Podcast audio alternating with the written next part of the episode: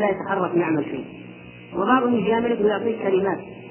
طيب خير إن شاء الله. ولا يهمك. وسوف أفعل كذا ولا تجد شيء. راح احسن من الذي يرد ويغسل باب وجهك لكن لا لم يعمل شيئا.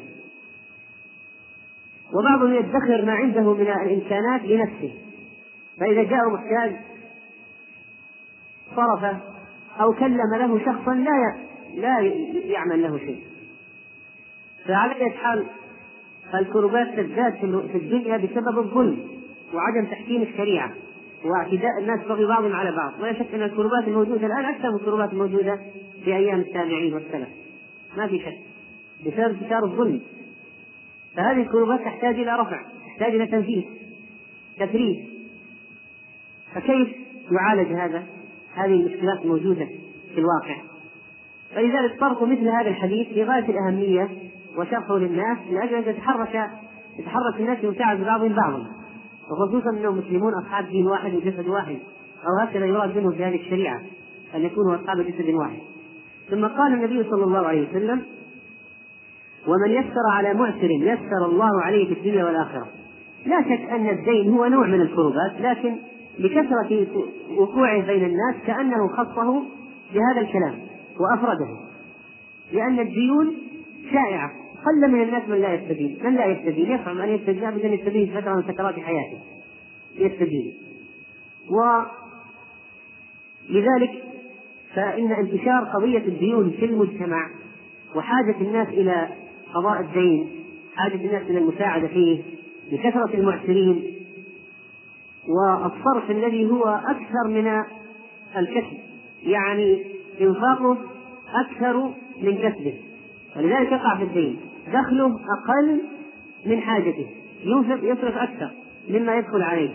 فلذلك تتراكب الديون فنقول من يسر على معسر يسر الله عليه في الدنيا والآخرة. كونه يقول في الدنيا واضح الإعسار في الدنيا ييسر الله عليه أمرا عسيرا في الدنيا واضح. طيب في الآخرة؟ الحديث يدل على أن هناك عسر يكون في الآخرة. معسر يمكن أن يعسر في الآخرة. ألم يقل الله تعالى وكان يوما على الكافرين عسيرا؟ ذلك يومئذ يوم عسير على الكافرين غير يسير. فإذا في عسر يوم القيامة يوجد عسر. الإعسار يحصل يحصل في الآخرة. حسب الناس. حسب الناس. حسب الأعمال.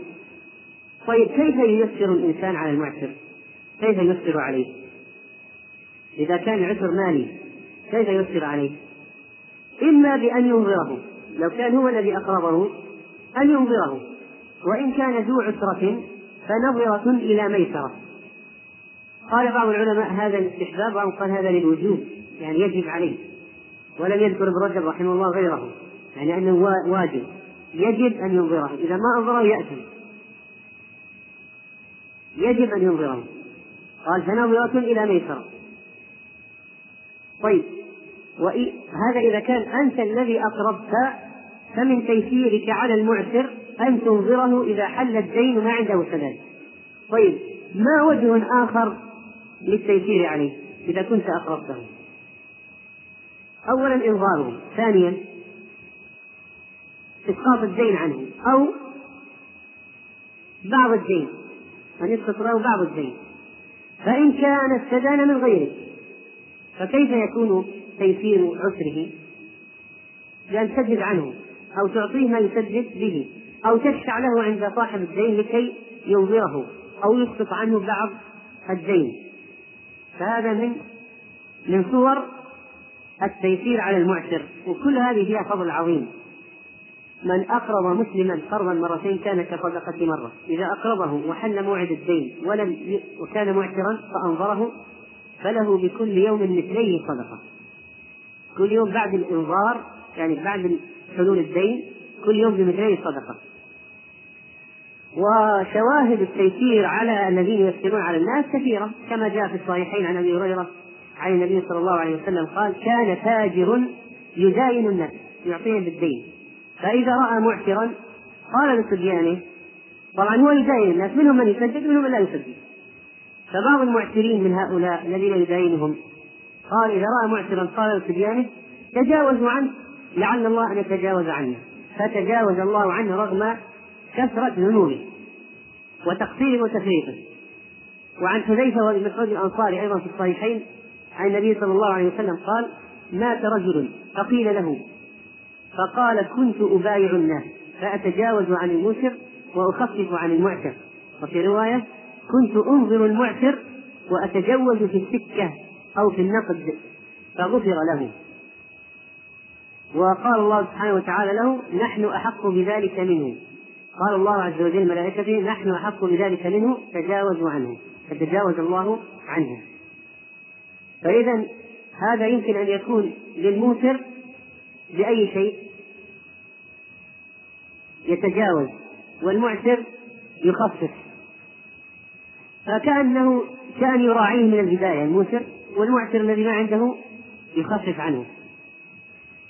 وقال النبي صلى الله عليه وسلم من سره أن ينجيه الله من كرب يوم القيامة فلينفس عن معسر أو يضع عنه. رواه مسلم. وقال من أنظر معسرا أو وضع عنه أظله الله في ظله يوم لا ظل إلا ظله.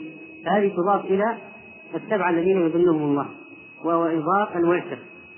وقد جمع ابن حجر رحمه الله جمع الخصال التي يكون العباد فيها في الظل يعني تسبب دخولهم في الظل يوم القيامة. فهي ضعف العدد المذكور في الحديث. أكثر ليست فقط سبعة أكثر. فمن ذلك هذا الحديث إنظار المعسر ومن ذلك الصدقة كما تقدم فهي أكثر من سبعة. يعني ليس ليس السبعة فقط هؤلاء الذين يظلون في الظل يوم القيامة وإنما هناك أنواع أخرى جاءت في نصوص أخرى. طيب قال النبي عليه الصلاة والسلام أيضا في هذا الحديث من ومن ستر مسلما ستره الله في الدنيا والآخرة. هذا الستر جاء في نصوص أخرى مثل من ستر عورة أخيه المسلم ستر الله عورته يوم القيامة ومن كشف عورة أخيه المسلم كشف الله عورته حتى يفضحه بها في بيته. طيب الستر هذا قد يكون سترا حسيا قد يكون سترا معنويا. ستر العورة كيف يكون؟ ما صور الستر الحسي. أن ينظر في حال العراة من هؤلاء المسلمين. لا يجدون ما يسترون به أنفسهم. فيعطيهم من المال ما يسترون به لباسا. أو يعطيهم لباسا يسترون به عوراتهم هذا قد يكون في مكان برد. لا يجد ما يستره من البرد. قد يجد لا يجد ما يستر عورته. فإذا وكذلك من الحر. سرابيل تقيكم الحر. طبعا لم يذكر البرد لأنه داخل بداهة من باب أولى فلم يذكره وإلا هو قبل الحر فالسرابيل تقي الحر والسرابيل تقي البرد والسرابيل تقيكم باسكم في الحر فإذا الستر الستر عام. ومن ذلك مثلا أنه يجده نائما وقد انكشف شيء من عورته فيغطيه كما يقع ذلك للحجاج مثلا أو المحرمين. فإنه قد ينام ولا ينتبه أو يتقلب ونحو ذلك. فستر العورة يكون برد الثوب على الجسم مثلا. هذا داخل فيه. أما الستر المعنوي فستر عيبه ستر عيبه بأن لا يذكر عيوبه ولو اطلع على شيء من سيئاته سترى عليه أو من ذنوبه ومعاصيه. لم يشهر به بين الناس. لم يشهر به بين الناس. فإذا فعل ذلك ستره الله سبحانه وتعالى. جاء عن بعض السلف أنه قال أدركت قوما لم يكن لهم عيوب. فذكروا عيوب الناس فذكر الناس لهم عيوبا. وأدركت أقواما كانت لهم عيوب. فكفوا عن عيوب الناس فنسيت عيوبهم. نسيت عيوبهم. وقال النبي عليه الصلاة والسلام يا معشر من آمن بلسانه ولم يدخل الإيمان في قلبه لا تغتابوا المسلمين ولا تتبعوا عوراتهم. فإنه من اتبع عوراتهم تتبع الله عورته ومن تتبع الله عورته يفضحه في بيته. هذا حديث صحيح. بعض الناس يريدون التنقيب عن عورات الآخرين وكشف هذه العورات. البحث في أفعال الآخرين ونبش ماضيهم أو حاضرهم لكي يذيعوها بين الناس. فهذا الله سبحانه وتعالى يعاقبه بالفضيحة في الدنيا قبل الآخرة. طيب فإن قال قائل هؤلاء العصاة الموجودين في المجتمع ما هو موقفنا منهم؟ أنا ربما أطلع على جار لي مثلا يشرب خمرا أو مسكرا أو يأتي بأفلام في بيته أو ونحو ذلك. يفعل معصية في بيته. ما هو الموقف من العصاة وبعضهم يجاهرون بذلك في الأسواق وغيرها. فما هو الموقف من العصاة؟ هل نستر عليهم أو لا نستر عليهم؟ يكتشف أن امرأة تكلم بالهاتف. يكتشف أن رجلا يعاق يكتشف يكتشف أشياء كثيرة. هذا أوان فساد. ولذلك المعاصي منتشرة على جميع القطاعات في جميع القطاعات. وعلى جميع المستويات. فكيف يفعل الإنسان في هذه الحال؟ الجواب أن الناس في قضية الستر الناس في قضية المعصية على ضربين على نوعين. واحد شخص مستور لا يعرف شيء من المعصية. ظاهر الخير ظاهر الصلاح ظاهر الالتزام. وقع في هفوة أو في زلة هذا رجل ظاهره الخير ليس مجاهد بالمعصية هذا في هذه الحالة يجب ستره ولا يجوز كشفه ولا التحدث بخطيئته ولا هتك هذا الستر وهتك جافة الغيبة محرمة. هذا الذي هذا الذي يكون معنيا بهذا النص. من ستر مسلما ستره الله. الشخص الذي ظاهره الخير والاستقامة لكن اطلع على شيء خفي لديه. بطريقة من الطرق انكشف شيء. انكشفت له معصية. يجب ستره ولا يجوز التحدث بمعصيته ولا نقل خبره ولا إفشاء بين الناس وإفشاء أسرار مثل هذا الرجل أو معاصيه الذي ظاهره الخير. مستور. إفشاؤه هو نوع من إشاعة الفاحشة بين المؤمنين. ويدخل في قوله تعالى إن الذين يحبون أن تشيع الفاحشة في الذين آمنوا لهم عذاب أليم في الدنيا والآخرة. فإشاعة الفاحشة هو كشف سيئات المؤمن المستتر أو اتهام البريء بما هو بريء منه كما جاء في حادثة أو كما وقع في قصة الإفك. وهذه المسألة ينبغي فقهها من أهل الحسبة الذين بالأمر بالمعروف والنهي عن المنكر. لأنه قد يطلع على شيء فجأة في خلال عمله. فماذا يفعل؟ هل يستر أو لا يستر؟ هذا السؤال يتردد كثيرا هل يبلغ عنه أو لا يبلغ عنه؟ لأن التبليغ عنه طبعا هو فضيحة فهل يستر ولا يبلغ أو يبلغ؟ فنقول إذا كان ظاهره الخير فإنه لا يبلغ عنه ولا يجوز أن يرفع بشأنه قال بعض الصالحين قال بعض الوزراء الصالحين لبعض أهل الحسبة اجتهد أن تستر العصاة فإن ظهور معاصيهم عيب في أهل الإسلام. يعني لو جلسنا نشهر بكل أحد كل ما واحد وقع في معصية واطلعنا عليه قلنا بلغنا عنه هذا فعل هذا فعل هذا. ماذا يكون نظرة غير المسلمين المسلمين؟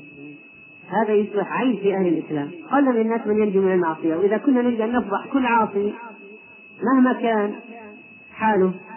معناها أظهرنا المجتمع بصورة أن المسلمين كل أن المسلمين يغلب عليهم الفجور.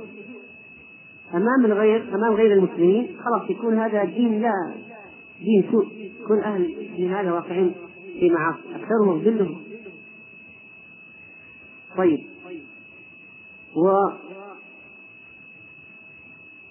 بالذات يعني الكسر بالذات لو كان نادما. لو جاء نادما يعني عثرنا عليه ضبطناه. لكن أظهر الندم والتوجع لما أصابه وأقر. هذا لا يمكن حفظه مطلقا. وكذلك لو أن إنسان جاء وقال فعلت كذا ما اكتشفناه نحن لكن هو جاء يعترف يقول أنا أصبت حدا.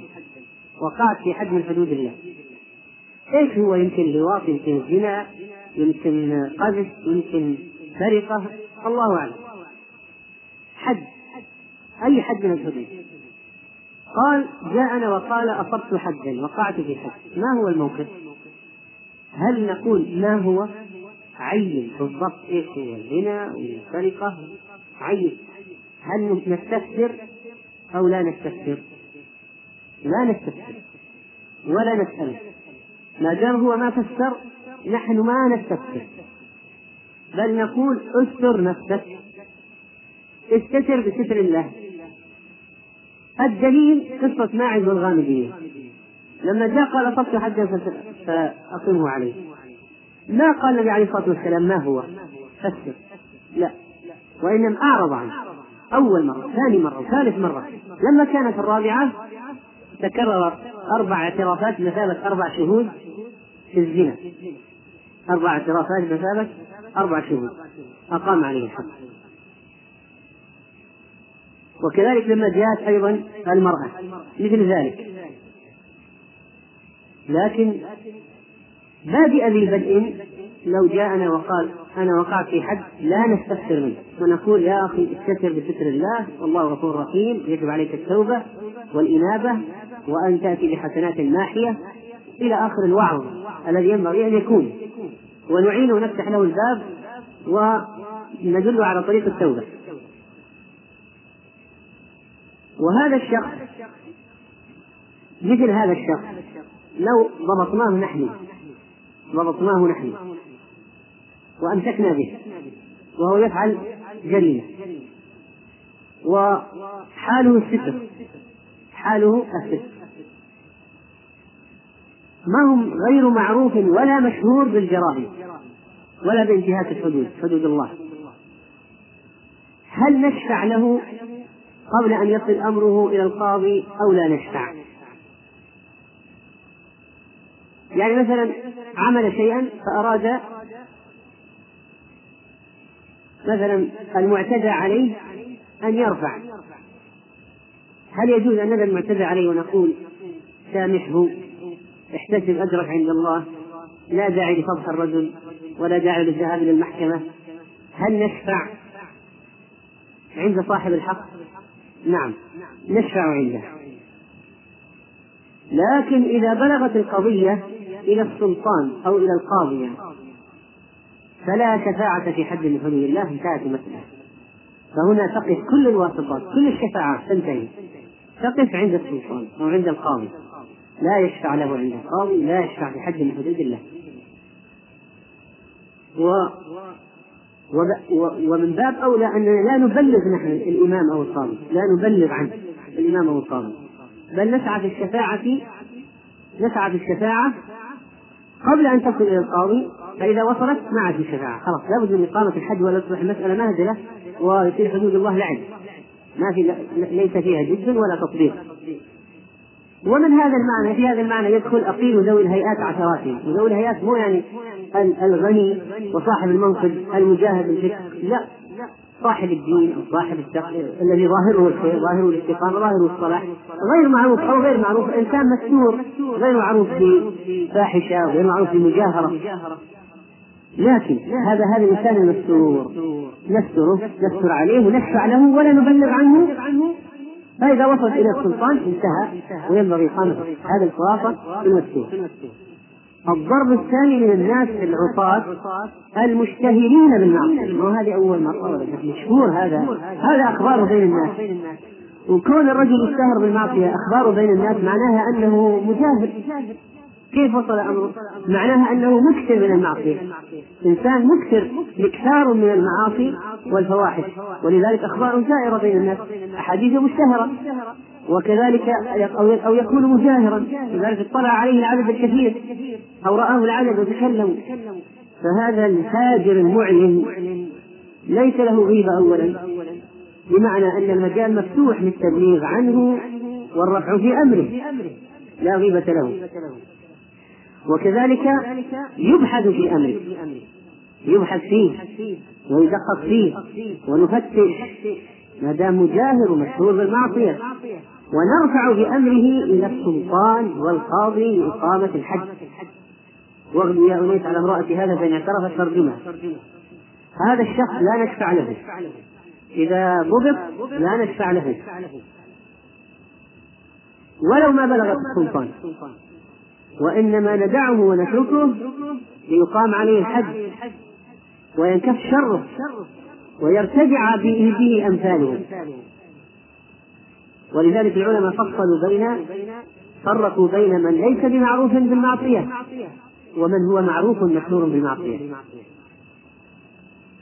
طيب ورد كلام عن الإمام أحمد رحمه الله أنه كره رفع الفساق إلى السلاطين في جميع الحالات أنه لا يرفع أمر الفاسق إلى السلطان.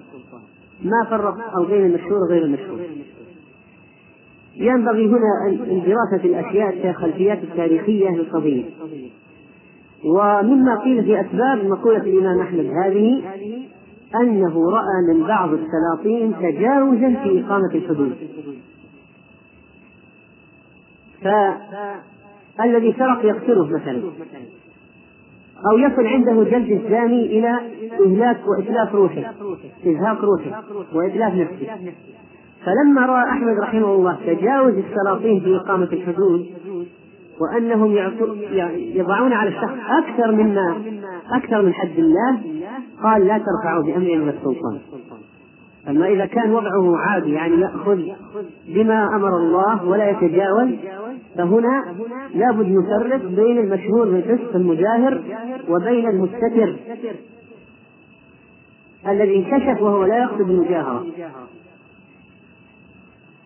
طيب. فإذا إذا جاءنا شخص من من النوع الأول أو أمسكنا به أو اطلعنا على أمره أو جاءنا تائبا يقول فعلت. فماذا نقول له؟ تب إلى الله. وقد جاء في الحديث الصحيح الحديث هذا مهم يبين الأمر. رواه الحاكم وغيره عن ابن عمر أن النبي عليه الصلاة والسلام قال اجتنبوا هذه القاذورات التي نهى الله تعالى عنها. اجتنبوا هذه القاذورات التي نهى الله تعالى عنها. فمن ألم بشيء منها فليستتر بستر الله. يعني يقول النبي عليه الصلاة والسلام يرشد من وقع في معصية يستتر بستر الله. لا يذهب ويفضح نفسه ويتنقل بين الناس وإما في المساجد والقضاة ويقول فعلت وتعالوا وافعلوا واخي وعلى وماذا؟ ومع فلانة وفعلت كذا وزنيت بكذا وكذا امرأة وكذا. ينبغي عليه أن يستتر بستر الله ولا يفضح نفسه. وإن كان لا يعرف كيف يتوب لو جاء يدخل يقول أصبت إثما أصبت معصية. فعلت كبيرة ولا يوضح ولا يفضح نفسه. ولا يذكر تفاصيل فعلت كذا فكيف أتوب إذا فيها حقوق آدميين كيف أفعل؟ لكن لا يذكر تفصيلا في هذا. قال عليه الصلاة والسلام فمن ألم بشيء منها فليستتر بستر الله.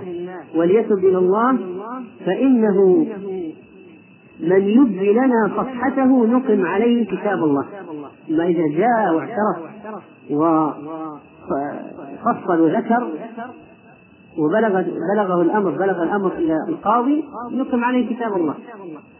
يقم عليه الحد طيب هذا الحديث صححه الشيخ ناصر في صحيح الجامع. نعم السؤال؟ نعم لا يشفع. إذا ما صار ناصر القاضي يشفع. عند من؟ عند صاحب الحق. مثلا اعتدى على واحد سرق شيء عمل يشفع عند صاحب الحق. هذا اللي يشفع. أما واحد موظف مكلف برفع الأشياء ما له ما له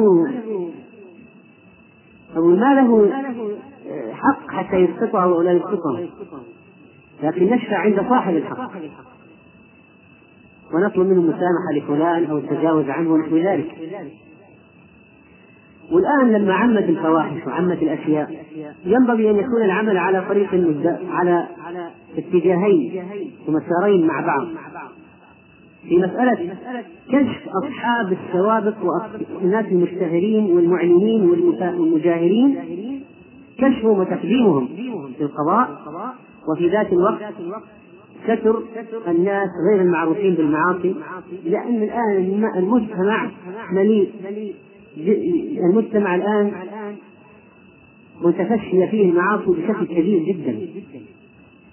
فقضية التعرف على تعرف الرجال على النساء الأجانب الخروج معهم أشياء كثيرة وناس متزوجين وناس عندهم يعني الآن فشو المعاصي في المجتمع صارت قضية. ولذلك ينبغي على الدعاة الله والمصلحين أن يراقبوا هذه الأشياء. هذا واحد سترنا عليه أول مرة. لكن إذا به أو بها تخرج مرة أخرى. وثالثة مسألة صارت الآن مسألة استهانة.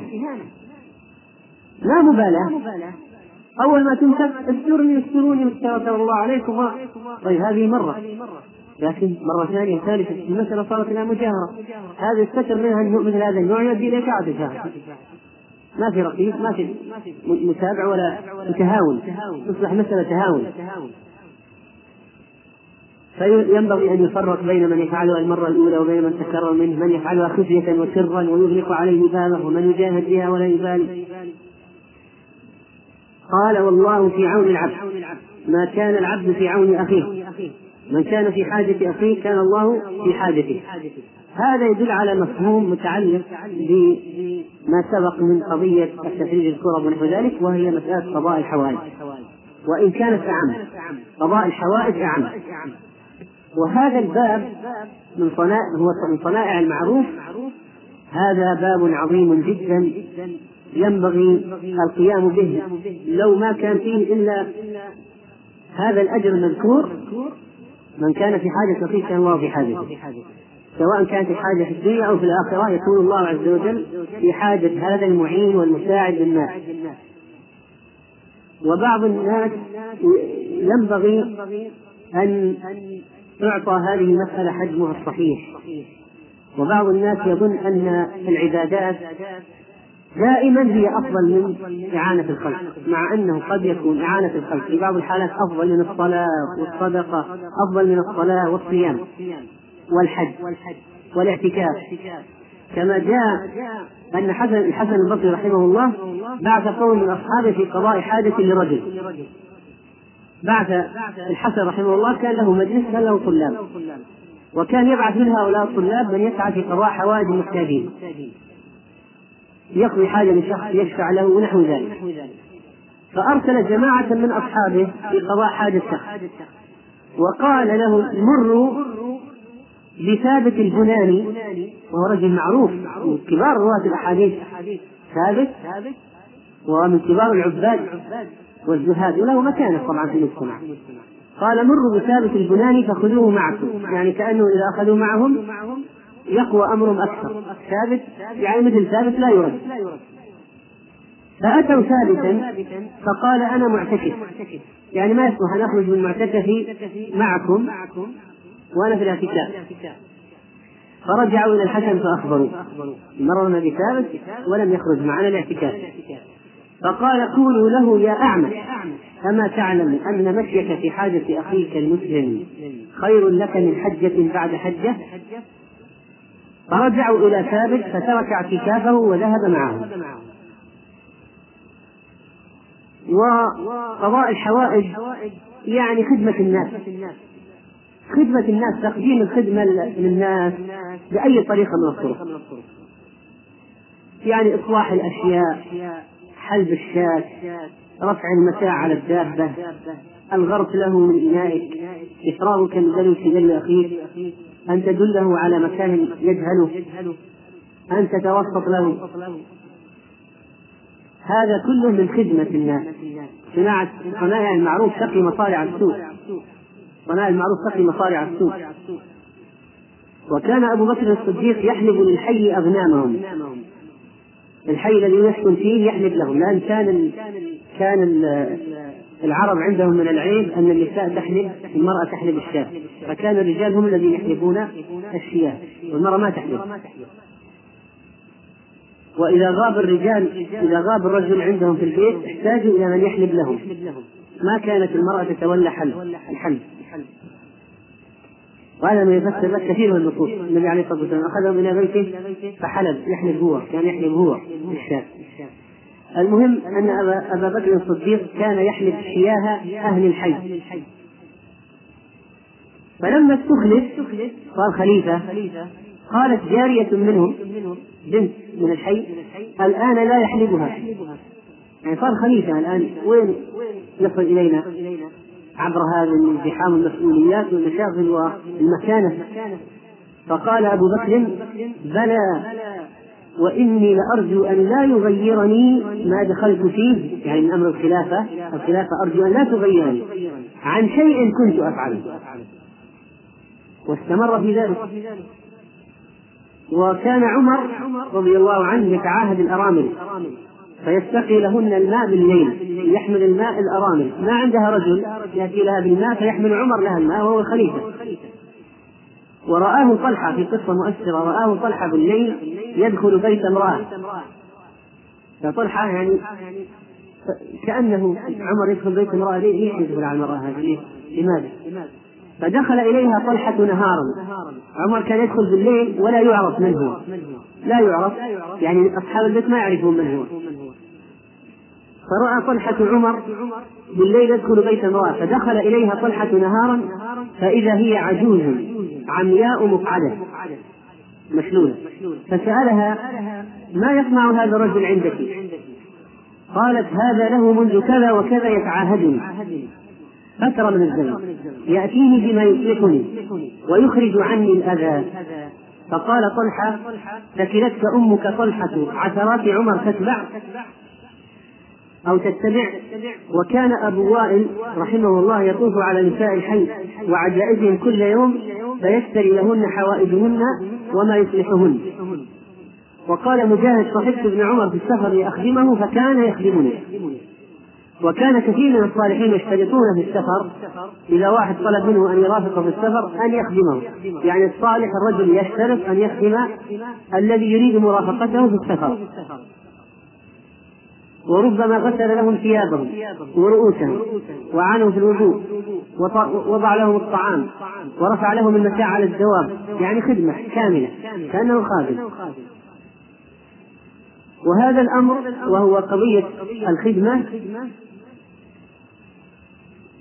مع ما قد يظهر من أنها يقوم بها خدم ويقوم بها سقط الناس وهذه مهمات الناس الدون لكن هي في الأجر عظيمة وفي الميزان ثقيلة عند الله. وقد يفوق الإنسان بقيام بخدمة الآخرين يفوق عابد يقوم بعبادة. كما جاء في الصحيحين عن أنس قال كنا مع النبي صلى الله عليه وسلم في السفر فمنا الصائم ومنا المفطر. قال فنزلنا منزلا في يوم حار أكثرنا ظلا صاحب الكتاب ومنا من يتقي الشمس بيده. قال فسقط الصوام من التعب وقام المفطرون وضربوا الأبنية وسقوا الركاب. فقال رسول الله صلى الله عليه وسلم ذهب المفطرون اليوم بالأجر. ذهب المفطرون اليوم بالأجر. فهذا دين أو هذه شعيرة من الشعائر لا ينبغي الاستخفاف بها مطلقا. وقيام خدمة الناس وينبغي على الإنسان أن يتحرر من الكسل. والاعتماد على خدمة الناس وأن يقوم هو ساعيا في خدمة الناس. فنسأل الله سبحانه وتعالى أن يجعلنا من هؤلاء ونكمل الحديث إن شاء الله صلى الله وسلم على نبينا محمد. وقد تقدم شرح أول الحديث في الليلة الماضية. أما قوله صلى الله عليه وسلم في هذا الحديث ومن سلك طريقا يلتمس فيه علما سهل الله له به طريقا إلى الجنة فإن سلوك الطريق. لالتماس العلم يدخل فيه سلوك الطريق الحقيقي وكذلك الطريق المعنوي فأما سلوك الطريق الحقيقي مثل المشي بالأقدام إلى مجالس العلماء والسفر على الدابة والراحلة وفي عصرنا بالسيارة والطائرة ونحو ذلك. فالذي يذهب إليه سواء داخل البلد أو خارج البلد يكون سالكا طريقا للعلم يلتمس فيه علما. أما الطرق المعنوية لتحصيل العلم فيدخل في ذلك حفظ العلم ودراسته ومذاكرته ومطالعته وكتابته وتفهمه وغير ذلك من الطرق المعنوية التي تؤدي إلى تحصيل العلم. فالمهم أنه يسعى لتحصيل العلم بجميع طرقه فإن فعل ذلك قال ومن سلك طريقا سهل الله. سهل ما يعرض. ها؟ جواب الشر فعل ماضي جواب الشر من سلك سهل. سهل الله له به طريقا إلى الجنة. فإذا الجزاء من جنس العمل. كما أن عمله كان سلوك الطريق الذي يلتمس به العلم كان جزاؤه أن الله سهل له الطريق إلى الجنة. فسهل له الطريق بهذا العلم الذي طلبه وسلك طريقه. ولا شك أن العلم طريق موصل إلى الجنة. ولقد يسرنا القرآن للذكر فهل من مدكر؟ من مدكر. أصلها مزدكر. ثم صارت التاء دالا مزدكر. ثم أدغمت الدال في الدال لتخفيف صارت مدكر.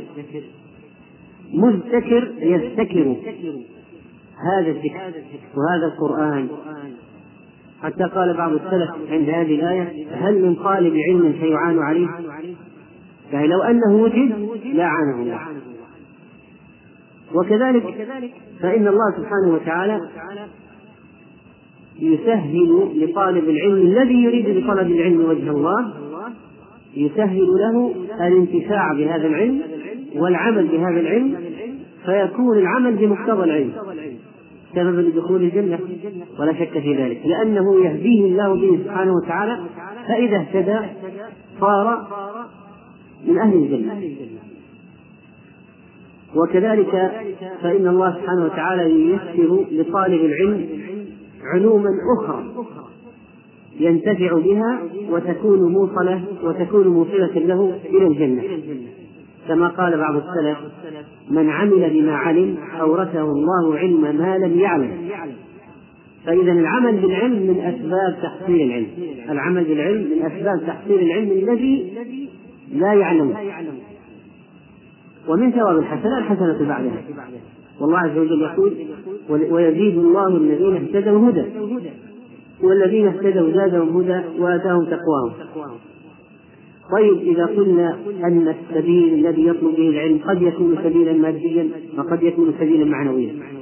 فالسبيل الذي فالطريق الذي يدخل به إلى الجنة أو يسهله الله له إلى الجنة. هل يكون أيضا طريقا ماديا أو طريقا حسيا هل يكون طريقا حسيا الجواب نعم. يمكن أن يكون طريقا حسيا إذا قلنا أنه المقصود به الصراط المضروب على متن جهنم. فإن الصراط حسي لأنه أحد من السيف وأدق من الشعرة فهو حسي. فإذا إذا سلك هذا الطريق يبتغي به وجه الله فإنه فإن الله سبحانه وتعالى يثبت قدمه على الصراط ويجوز على الصراط بهذا العلم والعمل به. ولا شك أن العلم يدل على الله من أقرب الطرق إليه.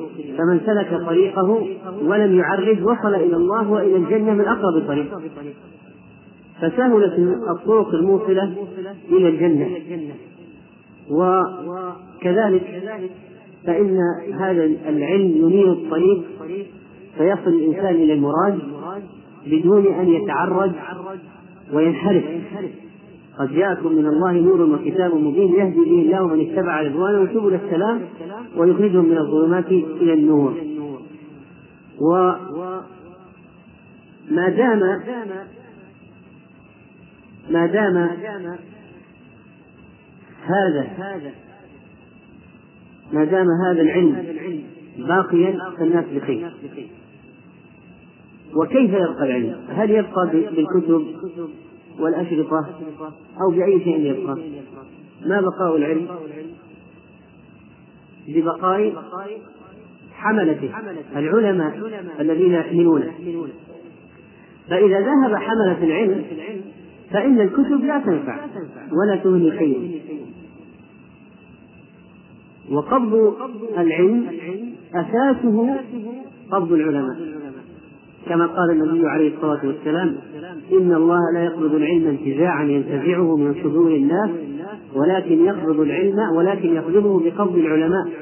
فإذا لم يبق عالم اتخذ الناس رؤوسا أو رؤساء جهالا فسئلوا فأفتوا بغير علم فضلوا وأضلوا. روى البخاري ومسلم. وذهاب العلم أساسه كما قلنا ذهاب الناس الذين يحملونه الحملة. أما الكتب فإنها من غير حملة لا تنفع. كما جاء عند الترمذي قال النبي صلى الله عليه وسلم هذا أوان يختلف العلم من الناس حتى لا يقدر منه على شيء. حتى لا يقدر منه على شيء. فقيل له كيف يذهب العلم؟ وقد قرأنا القرآن وأقرأناه نساءنا وأبناءنا. فقال قال النبي صلى الله عليه وسلم ثكلتك أمك يا زياد إن كنت لأعدك من فقهاء أهل المدينة. هذه التوراة والإنجيل عند اليهود والنصارى فماذا يغني عنهم؟ أو فماذا تغني عنهم؟ و الكتب لو بقيت بغير علماء تتعرض لأي شيء. للتحريف والضياع. وتفهم فهما خاطئا. فإذا لا تنفع الكتب بغير علماء.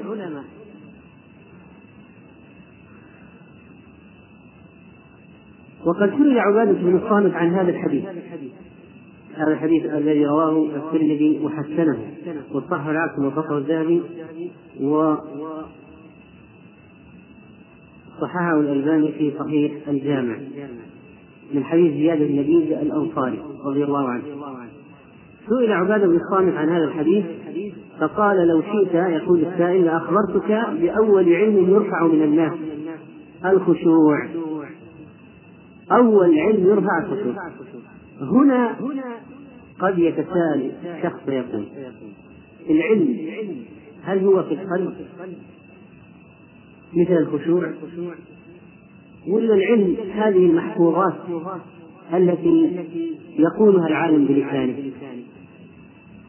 هل العلم هو في القلب أو المحفوظات التي يقولها العالم بلسانه؟ فنقول العلم العلم قسمان الأول ما كان ثمرته في القلب وهو العلم بالله تعالى وأسمائه وصفاته والأشياء التي تؤدي إلى خشية الله ومهابته والخضوع له ومحبته ورجائه والخوف منه والدعاء والتوكل عليه فلا شك أن هذا علم. هذا إذا وقع في القلب ورسخ نفع بإذن الله. هذا علم القلب. أما علم اللسان هذا علم القلب. وعلم اللسان ما يقوله العالم للناس من المسائل وما يعلمهم مما علمه من القرآن والسنة. وهذا حجة الله على عباده. القرآن حجة لك أو عليك. فأول ما يرفع من العلم يرفع العلم الباطن الذي يخالف القلوب فيصلحها. ويبقى علم اللسان فيتهاون الناس فيه نتيجة لارتفاع علم الباطن وهو علم القلب. فإذا ارتفع علم القلب انحرف.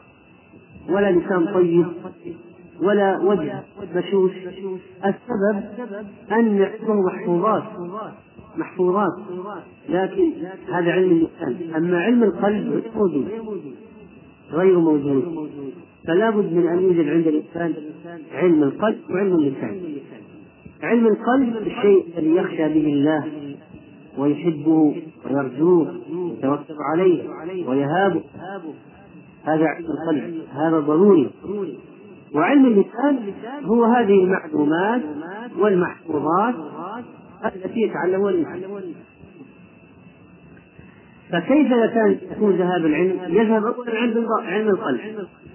يكون ذهاب علم القلب تمهيدا لذهاب العلم الآخر. وفي النتيجة النهائية إذا ذهب علم القلب ويذهب بعده علم اللسان المسائل تنسى ما أحد يعمل بها حتى يبقى إلا هذا الكتاب القرآن. فيشفع عليه في ليلة لا يبقى منه آية في المصاحف ولا في الصدور هذا في آخر الزمان. يعني الناس يقومون ما يجدون في أنفسهم ولا آية من القرآن. يفتحون المصحف فلا يكون مقصور فيه ولا آية من القرآن.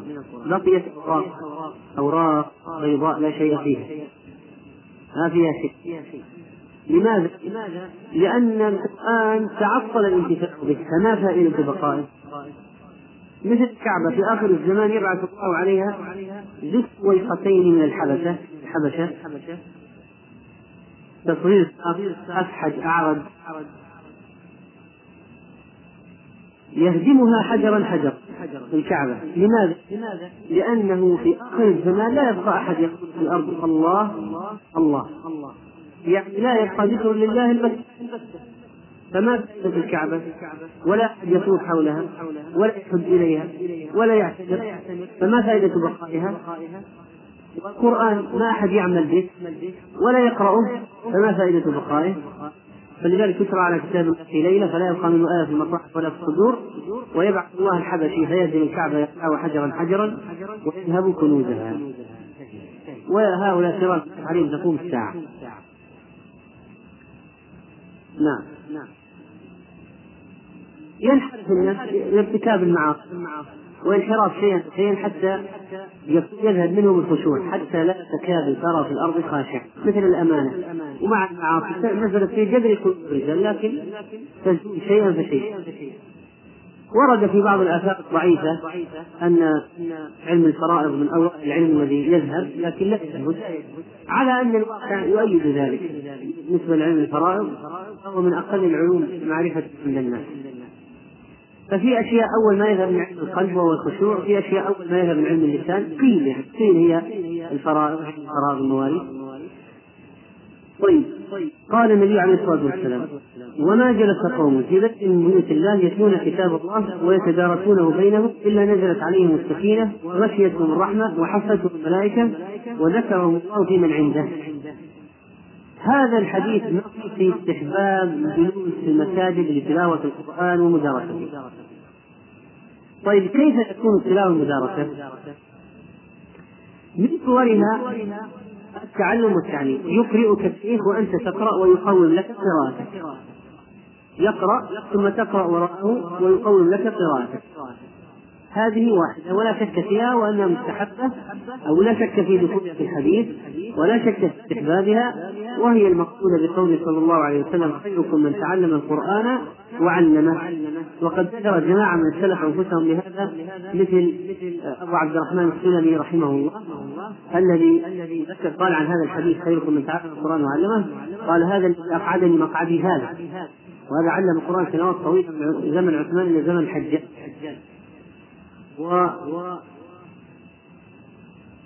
هذا واحد وهو أن يعلم يعلم القرآن ويتعلم من الشيء طيب صورة أخرى الاجتماع في المسجد لدراسة القرآن.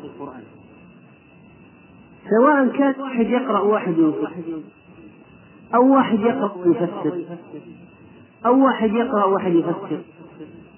أو واحد يقرأ ويقرؤون التفسير. أو كل منهم يأتي بفائدة من الآيات عن علم فهذا يدخل في التدارس وما جلس قوم في بيت من بيوت الله يتلون كتاب الله ويتدارسونه بينهم إلا نزلت عليهم السكينة وغشيتهم الرحمة وحفتهم الملائكة وذكرهم الله في من عنده. أما بالنسبة سماعه من الغير فقد ثبت في السنة كما جاء في حديث ابن مسعود لما أمر النبي عليه الصلاة والسلام أن يقرأ عليه. قال أقرأ عليك وعليك أنزل قال إني أحب أن أسمعه من غير وكان عمر يقرأ يأمر أحيانا أبا موسى أو عقبة بن عامر أن يقرأ وعمر يسمع. هذا أيضا من تلاوة القرآن ومدارسة القرآن. يتعاطون كتاب الله ويتدارسونه. بالنسبة للقعود في المسجد لتحصيل الأجر ورد في الحديث وهو نزلت عليهم السكينة وغشيتهم الرحمة وحفتهم الملائكة وذكروا الله من عنده المقصود في المساجد من بيوت الله لكن لو فعلوا في البيوت هل يؤجرون أو لا؟ في المدارس في غير المساجد يؤجرون لكن ليس مثل أجر المسجد والصحابي الذي جالت فرسه وكان ولده عندها وهو يقرأ القرآن ونزلت السكينة ونزلت الملائكة وين كان يقرأ؟ يعني في بيته في صحن الدار صح ولا لا؟ معناها ممكن يحصل أجر وينزل على نزول السكينة يمكن يحصل لكن ليس مثل المسجد. لكن لا يعني ذلك أنه ليس لهم أجر وأن هذا محصور بالمساجد وإنما يمكن أن يكون في البيوت أو في غير المساجد. لا شك. طيب إذا صار في المساجد هل يكون له وقت معين؟ هل يكون مثلا بعد الفجر أو غير هذا؟ فجاء في بعض الآثار أن بعض السلف كانوا يتدارسون بعد صلاة الصبح يقول ابن رجب رحمه الله وقد روى حرب السلماني بإسناده عن الأوزاعي أنه سئل عن الدراسة بعد صلاة الصبح فقال أخبرني حسان بن عطية أن أول من أحدثها في مسجد دمشق هشام بن إسماعيل المخزومي في خلافة عبد الملك بن مروان فأخذ الناس بذلك. وبإسناده عن سعيد بن عبد العزيز وإبراهيم بن سليمان أنهما كانا يدرسان القرآن بعد صلاة الصبح في بيروت والأوزاعي في المسجد لا يغير عليه. الأوزاعي أين هو أين كان؟ في بيروت. المعروف يعني الآن. كان هذا مقره وهي من بلاد الشام. فكانوا يدرسون بعد صلاة الصبح. وذكر حرب أنه رأى أهل دمشق وأهل حمص وأهل مكة وأهل البصرة يجتمعون على القراءة بعد صلاة الصبح. فإذا بعد صلاة الصبح هذا وقت وقت بركة. ولذلك استغلاله بطلب العلم نافع جدا. وهذا وارد عن بعض السلف قضية الجلوس بعد الفجر لمدارسة مدارسة القرآن. ولعله يدخل في حديث النبي عليه الصلاة والسلام الذي يجلس بعد الفجر يذكر الله حتى تطلع الشمس فإذا ذكر الله يعني بالأذكار أو بقراءة القرآن أو بالتدريس والمدارسة والتعلم والتعليم كله من ذكر الله. ثم يقوم بصدر ركعتين ينقلب بأجر حدث وعمرة تامة تامة تامة. لكن طريقة تدارس القرآن كيف يحصل؟ القراءة. تدارس عرفنا بعض الأشياء القراءة. القراءة ذكر أهل العلم القراءة في الاجتماع يعني الجماعية والقراءة الفردية. هذا يعني في المسجد وبعضهم أجاز أنواعا وبعضهم اعتبرها مبتدعة. ففي خلاف في قضية أنواع الاجتماع القراءة في الاجتماع. في الاجتماع نتصور ثلاث أنواع من القراءة. أولا أن يجتمعوا يتحلقوا فيقرأوا كلهم بصوت واحد. كما يحصل الآن في المدارس مثل هذا البرنامج الذي يأتي في الإذاعة أحيانا. يقرأ الشيخ ويقرؤون وراءه كلهم بصوت واحد. طيب. الثاني طريقة الإدارة. يجتمعون واحد يقرأ والبقية يستمعون ثم يقرأ الثاني والبقية يستمعون ثم يقرأ الثالث والبقية يستمعون الطريقة الثالثة في الاجتماع واحد يقرأ فقط يجتمع فيأمر أحدهم فيقرأ والبقية يستمعون والبقية يستمعون هذا بالنسبة هذا بالنسبة لأي شيء؟ قضية الاجتماع هذه ثلاث صفات كيفيات الاجتماع. أما الانفراد يعني أنهم أن الناس يكونون في المسجد مثلا بعد صلاة الفجر أو غير الفجر يقرأ كل واحد لوحده. هذه الطريقة متفق على مشروعيتها أبد ولا إشكال. ولذلك مالك رحمه الله أنكر بقية أنكر كيفيات ثم قال ما كان أصحاب رسول الله صلى الله عليه وسلم ولا العلماء بعدهم على هذا يعني الاجتماع القراءة كانوا إذا صلوا يخلو كل بنفسه ويقرأ ويذكر الله عز وجل ثم ينصرفون من غير أن يكلم بعضهم بعضا اشتغالا بذكر الله. يقول بعد صلاة الفجر كل واحد لوحده يقرؤون القرآن يذكرون الله وينصرفون ما عاد يكلم الثاني من باب أن يكون الوقت كله مشغول بذكر الله سواء قراءة قرآن أو أذكار أو أدعية يقرؤون يتفرقون هذه الكيفية لا خلاف. أنها كيفية مشروعة ومستحبة وفيها أجر لكن بقية الكيفيات أما الاجتماع القراءة بصوت واحد فهذه تكاد تكون بدعة واضحة الاجتماع بصوت واحد. لكن بعضهم يستثني حال التعليم قال إذا دعت الحاجة للتعليم. مثل مجموعة أطفال يراد تدريب ألسنتهم فيؤمرون يقرؤون بصوت واحد ما يمكن أن يقرأ كل واحد لوحده ما في وقت. ويقصد تدربهم قال بعضهم لا بأس بذلك. لكن لا تؤدي إلى تصحيح القراءة بالشكل المضبوط. لماذا؟ يعني إذا صارت جماعية ما تميز خطأ هذا من هذا من هذا. أليس كذلك؟ وإنما يكون التعليم تعليم التعليم الذي يظهر تظهر فائدته أن يقرأ الواحد على الشيخ والشيخ يصحح له. أما القراءة الجماعية هذا هذا يعني يقصد بها أكثر شيء تدريب اللسان. تدريب ألسنة الأطفال مثلا أو الأولاد والطلاب على القراءة. إذا صاروا يقرؤون صوت واحد. فإذا ما كان في مجال تعليم فإن الاجتماع عليها بدعة بصوت واحد. ننتقل للقضية الثانية وهي قضية الإدارة. الإدارة يجيبون القرآن بينهم. واحد يقرأ والبقية يستمعون ثم الثاني ثم الثالث. اختلف العلماء فيها. فعدها بعضهم بدعة. مثل مالك رحمه الله يرى أنها بدعة. وقال بعضهم بأنها جائزة. لماذا؟ قال الحديث. ما اجتمع قوم في بيت من بيوت الله يتلون كتاب الله.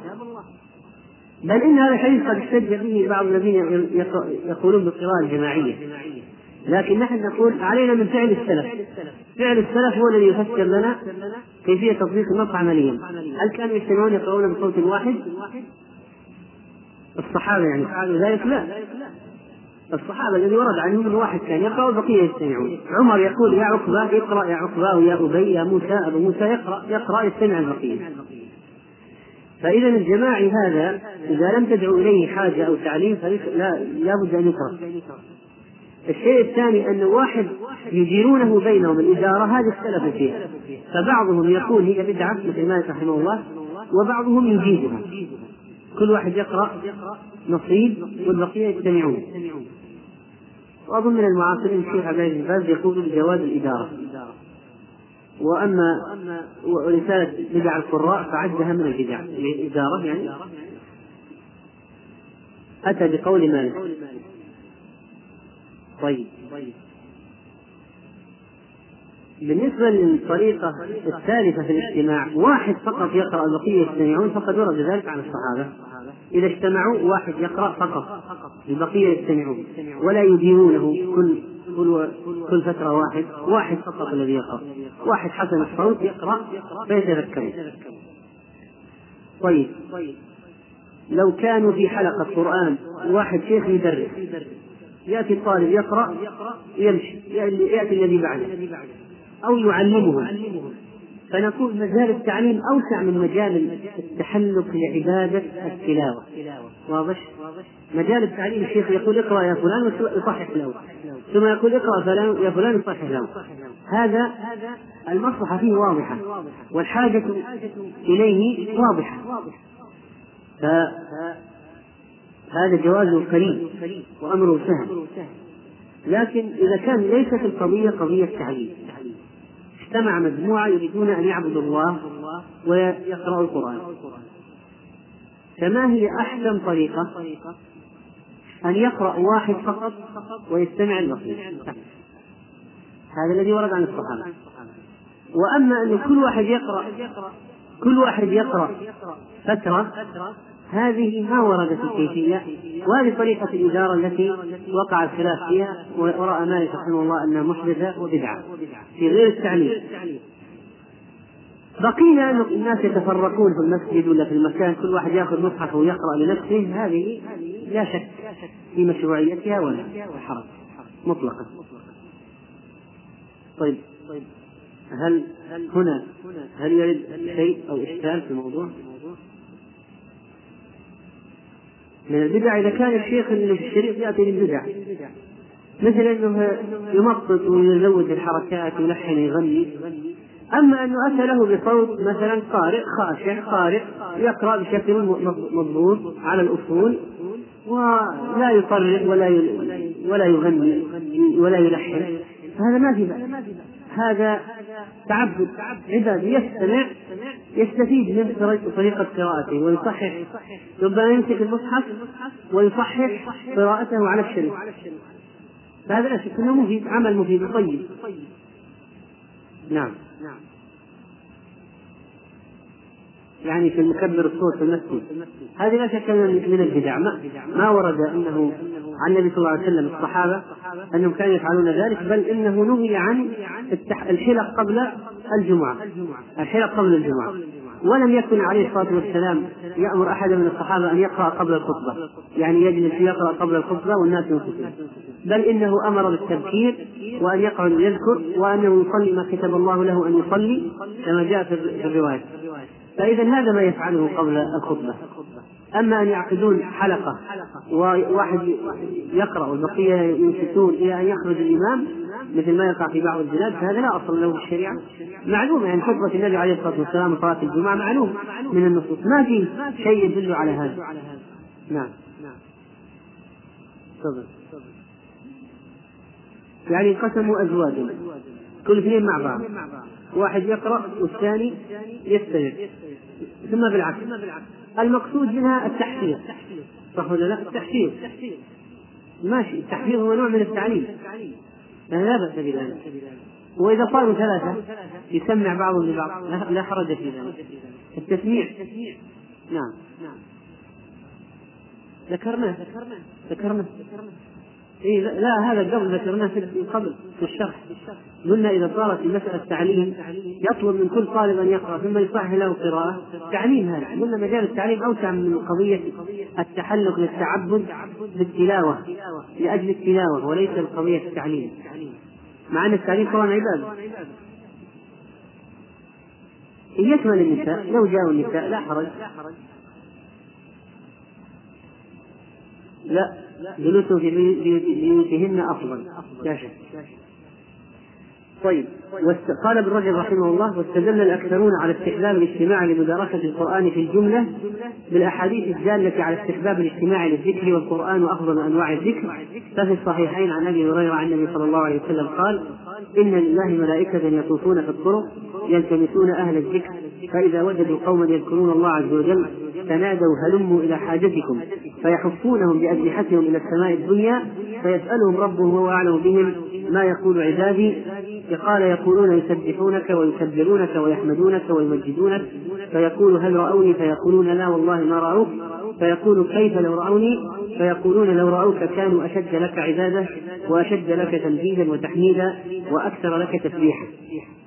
إلى آخر الحديث الذي فيه سؤالهم انهم يسألون الله يتعوذون يسالون الله الجنة يتعوذون من النار. وأن الله سبحانه وتعالى غفر لهم وفيهم واحد منهم جاء لحاجة لكن لأن القوم لا يشقى بهم دليل وكذلك جاء في صحيح مسلم عن معاوية أن رسول الله صلى الله عليه وسلم خرج على حلقة من أصحابه فقال ما يجلسكم؟ قالوا جلسنا نذكر الله عز وجل. ونحمده لما هدانا للإسلام ومن علينا به. فقال آه آلله آه آلله ما أجلسكم إلا ذلك؟ قالوا آه آلله ما أجلسنا إلا ذلك. قال أما إني لم أستحلفكم لتهمة لكم إنه أتاني جبريل فأخبرني أن الله تعالى يباهي بكم الملائكة. فالآن قول جلسنا نذكر الله عز وجل. استدل به الذين يقولون بالقراءة قالوا لأن القرآن هو أفضل أنواع الذكر. فإذا قالوا جلسنا نذكر يعني نقرأ قالوا يدخل فيه نقرأ على أي حال هذا حجج هذه بعض حجج الفريقين. و الجزاء المترتب على هذا الاجتماع في المسجد لتدارس القرآن. لتدارس القرآن. أولا تنزل عليهم السكينة. كما جاء في حديث البراء. كان رجل يقرأ سورة الكهف وعنده فرس فتغشته السحابة فجعلت تدور وتدنو وجعل فرسه ينفر منها فلما أصبح أتى النبي صلى الله عليه وسلم فذكر ذلك له فقال تلك السكينة تنزلت القرآن. وقصة أسيد بن حويرة أشار إليها قبل قليل أنه كان يقرأ ليلة في مربده إذ جالت فرس فقرأ ثم جالت أخرى فقرأ ثم جالت أيضا فقال أسيد فخشيت أن تطأ يحيى يعني ولده. يحيى ابن أسيد بن حضير قال فقمت إليها فإذا هي فإذا مثل الظلة فوق رأسي فوق رأسي فيها أمثال السود عرجت في الجو حتى ما أرى قعدت مرة أخرى.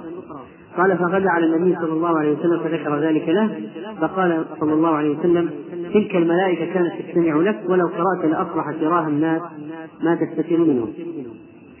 فإذا الملائكة تنزل لسماع القرآن وسماع الصوت الخاشع تلاوة خاشعة وذكر الله عز وجل. طيب ثانيا بالإضافة إلى تنزل السكينة قال تغشاهم الرحمة ورحمة الله قريب من المحسنين. تغشاهم الرحمة رحمة الله تنزل عليهم تغشاهم. وثالثا أن الملائكة تحف بهم أن الملائكة تحف بهم. ولا شك إذا حفت الملائكة صارت السكينة يعني موجودة. أيضا هذه أشياء مترابطة والرحمة والملائكة والسكينة. وذكر الله لهم. مرتبط بعضها ببعض. والملائكة تحفهم بأجنحتها إلى السماء الدنيا. يعني طول جناح الملك من من جالسين من الجالسين إلى سماء الدنيا. محاطون بأجنحة الملائكة إلى السماء الدنيا. وهذا يدل على عظم أجنحة الملائكة. طيب. و رحمك الله. والملائكة طبعا يمكن أن يكونوا بعضهم فوق بعض. أقول لا. أقول يمكن أن يكون بعضهم فوق بعض. يحفون ورابعا أن الله سبحانه وتعالى يذكره في من عنده. كما جاء في الحديث القدسي فأنا عند ظن عبدي بي وأنا معه حين يذكرني وأنا معه حين يذكرني فإن ذكرني في نفسي ذكرته في نفسي. هذا إثبات صفة النفس لله. فإن ذكرني في نفسي ذكرت في نفسي وإن ذكرني في ملأ ذكرت في ملأ خير منهم. هذه الأربع كلها للذين يجتمعون على ذكر الله تعالى. وطبعا كل القرآن أفضل الأذكار لكن لو جلسوا يذكرون نعم الله عليهم يشمله أو لا؟ الاجتماع للذكر.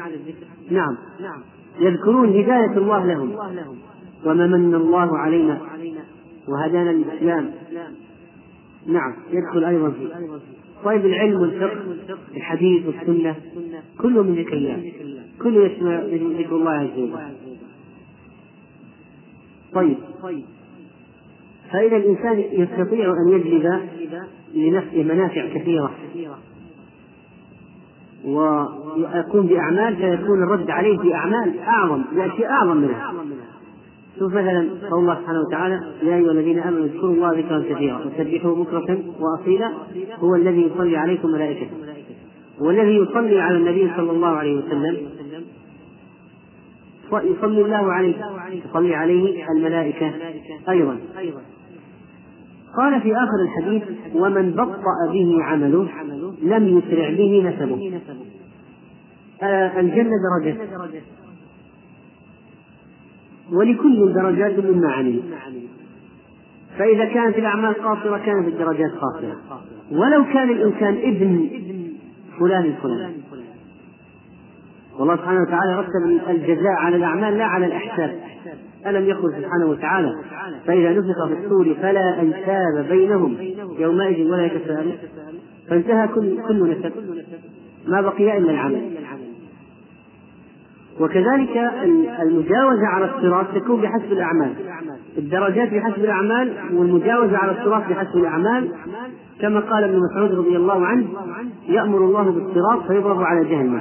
فيمر الناس على قدر أعمالهم. زمرا زمرا. أوائلهم كلمح البحر ثم كمر الريح ثم كمر الطير. ثم كمر البهائم. حتى يمر الرجل سعيا. وحتى يمر الرجل مشيا. البهائم يعني مثل الخيل مثلا. حتى يمر آخرهم يتلبط على بطنه. فيقول يا رب لم بطأت بي فيقول إني لم أبطئ بك إنما بطأ بك عملك. إنما بطأ بك عملك. فالله الله سبحانه وتعالى لا يظلم لا يظلم أحدا.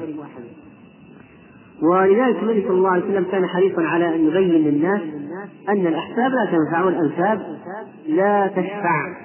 ولذلك قال يا معشر قريش اشتروا أنفسكم من الله لا أغني عنكم من الله شيئا.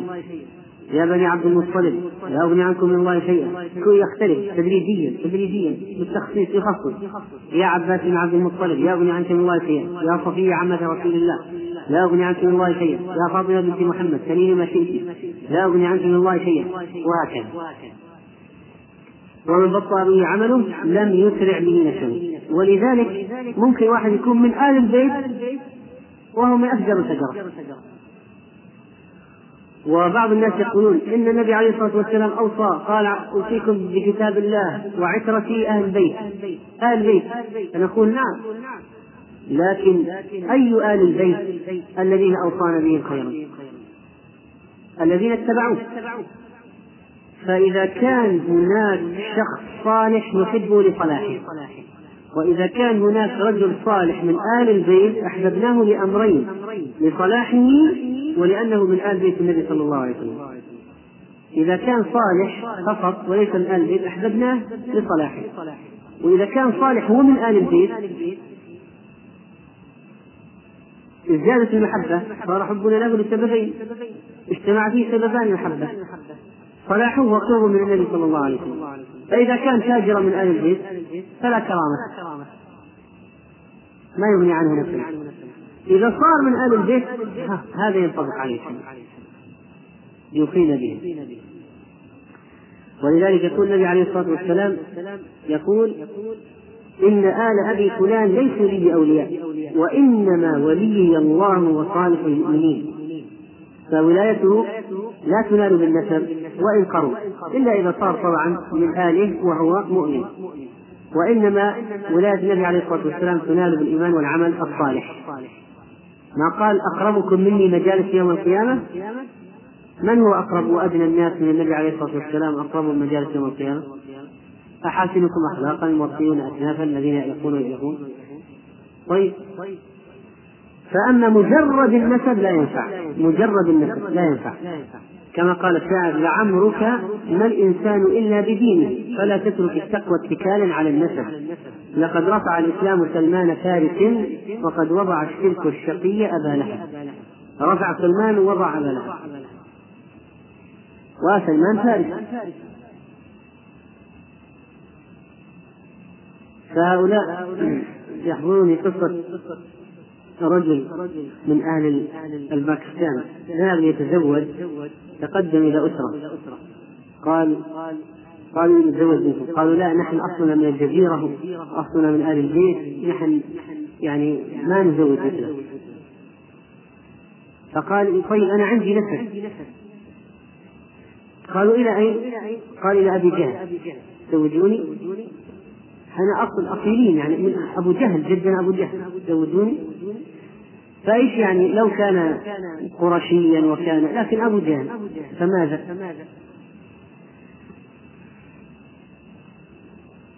ثم قال رحمه الله تعالى طيب إيش كان عندك سؤال؟ في الحديث ولا نسيت؟ ما عندك سؤال؟ طيب نعم نعم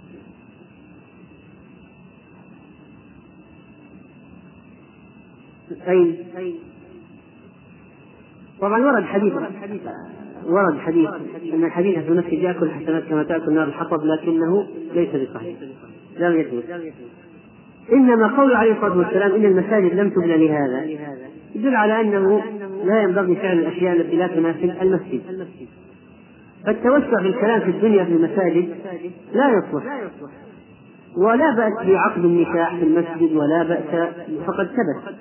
وكذلك المقاضاة في المسجد كما كما جاء في قصة كعب بن مالك وابن أبي حدرد لما تقاضيا عند النبي عليه الصلاة والسلام فلا بأس بفصل الخصومات في المسجد. ولكن لا يتوسع الإنسان في الدنيا ولا يتكلف البيع والشراء لأن هذا خلاف ما وجدت المساجد لأجله. وجدت لتكون مكانا للذكر والعبادة. فإذا صار الناس يتكلمون فيها بالأراضي والعقارات الأراضي والعقارات والأسهم والسندات فماذا؟ صار صار المسجد هذا مثل مثل السوق وما تحريم الشريعة للبيع والشراء والنشدان الضالة إلا تبين تحقيق هذا المعنى أن المساجد لم تبنى لأجل هذا. وبعضهم يرى تحريم إعطاء السائل الذي يسأل في المسجد يعني يقف ويقول يتكلم أنه لا يجوز إعطاؤه.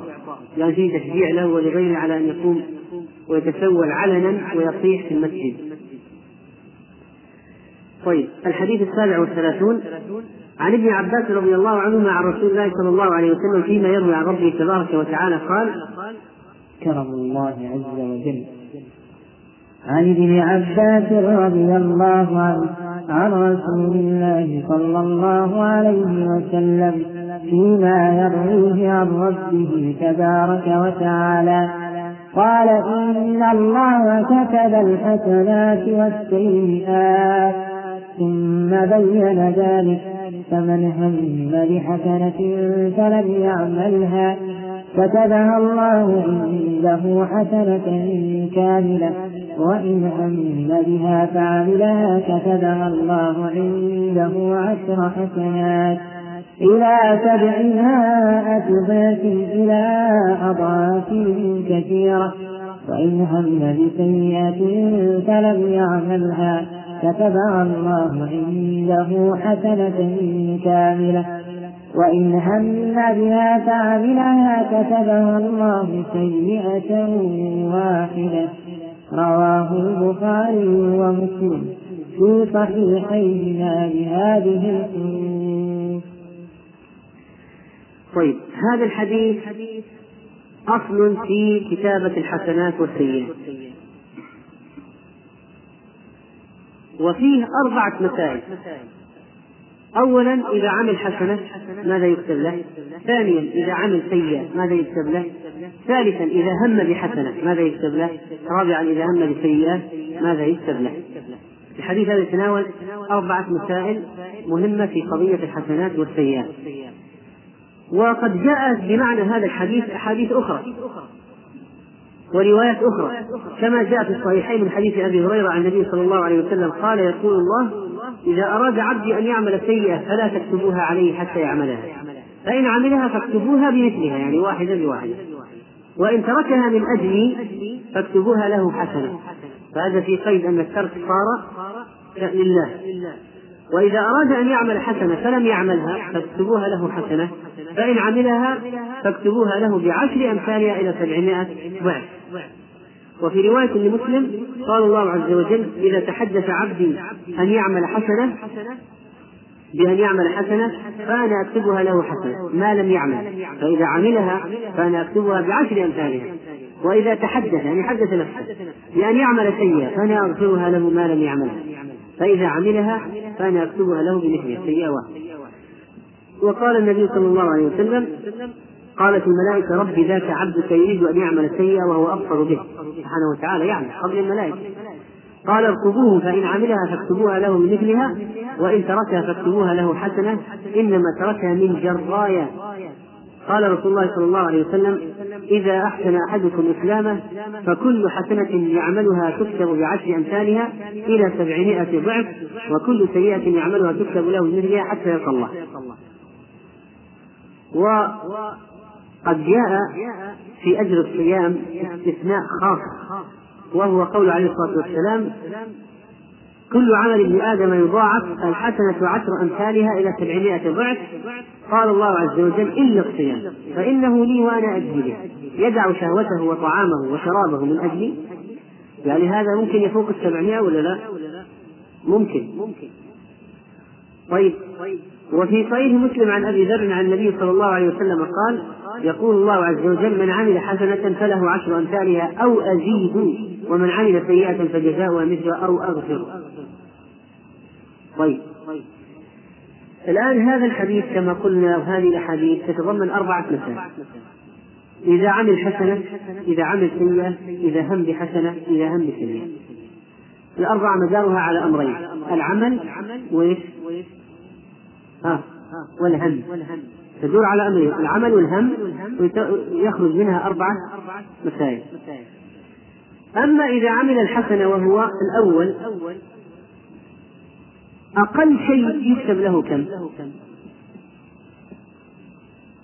إذا عمل واحد حسنة أقل أجر يكتب له كم؟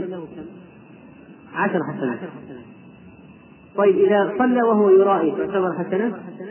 لا فلما نقول يعمل حسنة يعني حسنة بصفاتها الشرعية ما هو الدليل على أن أقل ما يكتب له عشر حسنات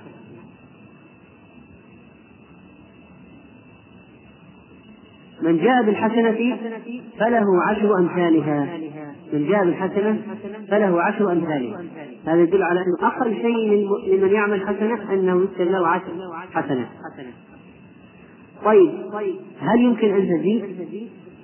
نعم يضاعف الله لمن يشاء.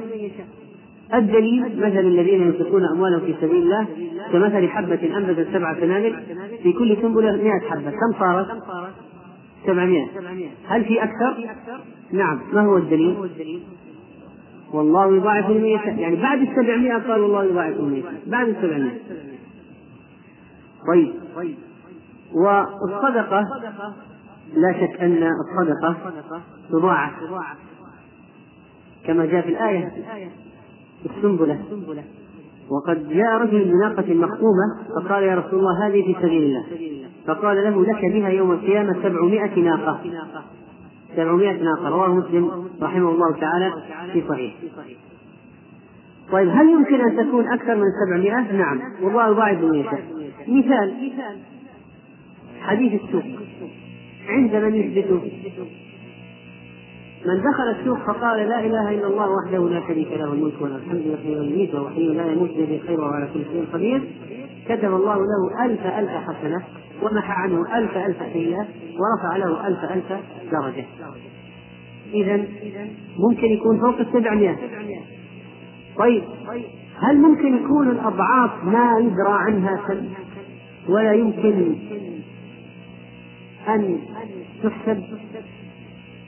نعم. الصيام. كما قال في حديث الصيام إلا الصيام فإنه لي وأنا أجزي لأن الحديث كما مر معنا كل عمل ابن آدم يضاعف. الحسنة بعشر أمثالها إلى سبعمائة ضعف إن الصيام خارج عن المضاعفات هذه وأكثر منها فإنه لي وأنا أجزي لأن الصوم أعظم الصبر وإنما يوفى الصابرون أجرهم بغير حساب. الصابرون هم الصائمون. يوفون أجرهم بغير حساب. فإذا حسابهم هذا عند الله. ما يمكن أن يحسب. ما يمكن أنه ليس لا تشمله قضية العشرة والسبعمائة أكثر. أشياء لا عند الله. طيب. على أي بناء على أي شيء يكون التفاوت؟ قلنا في ناس لهم عشرة وناس لهم أكثر ناس لهم سبعمائة وناس أكثر من سبعمائة. بناء على أي شيء يكون التفاوت؟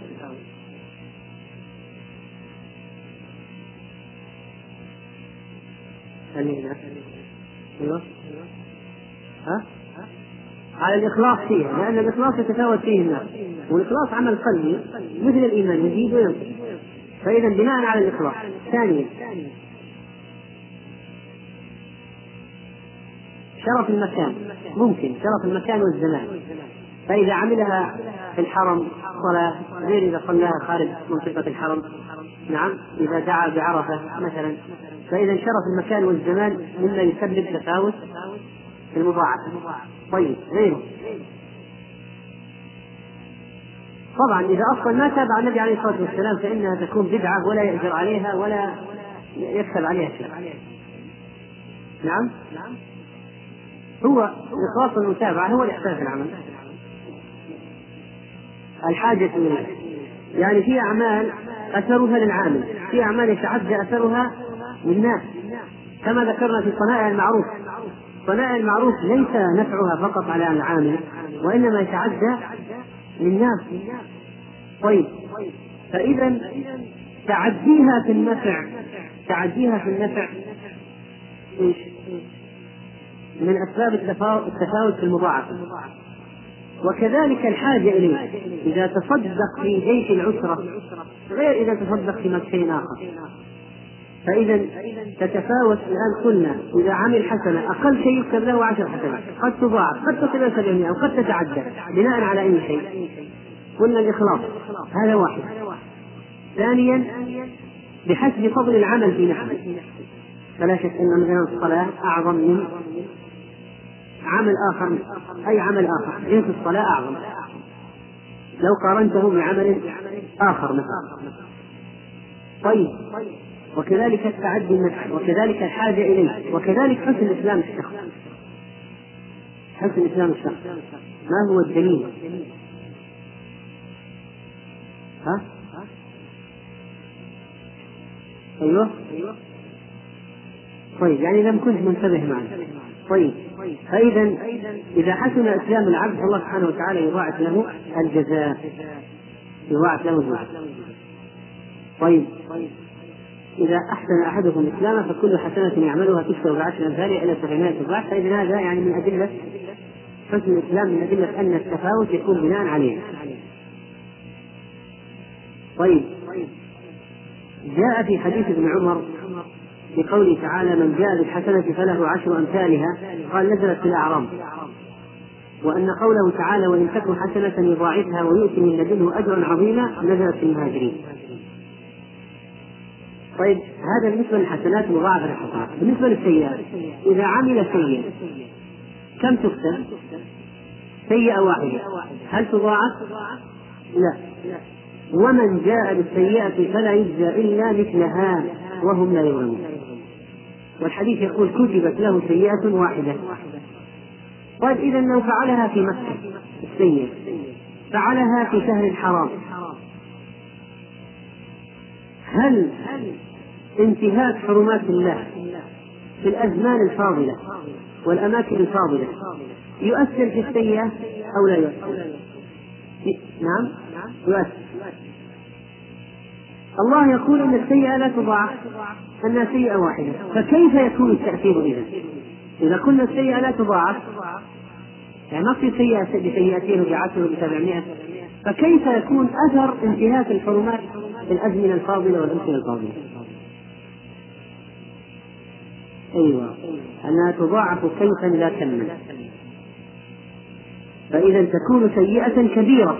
وفي الميزان في ميزان السيئات تكون ذات وزن بسبب أن هي واحدة. لكن وزن هذه السيئة الواحدة في مكة أو في الشهر الحرام أكثر من وزنها إذا عمل مثلها في خارج الشهر الحرام أو خارج مكة.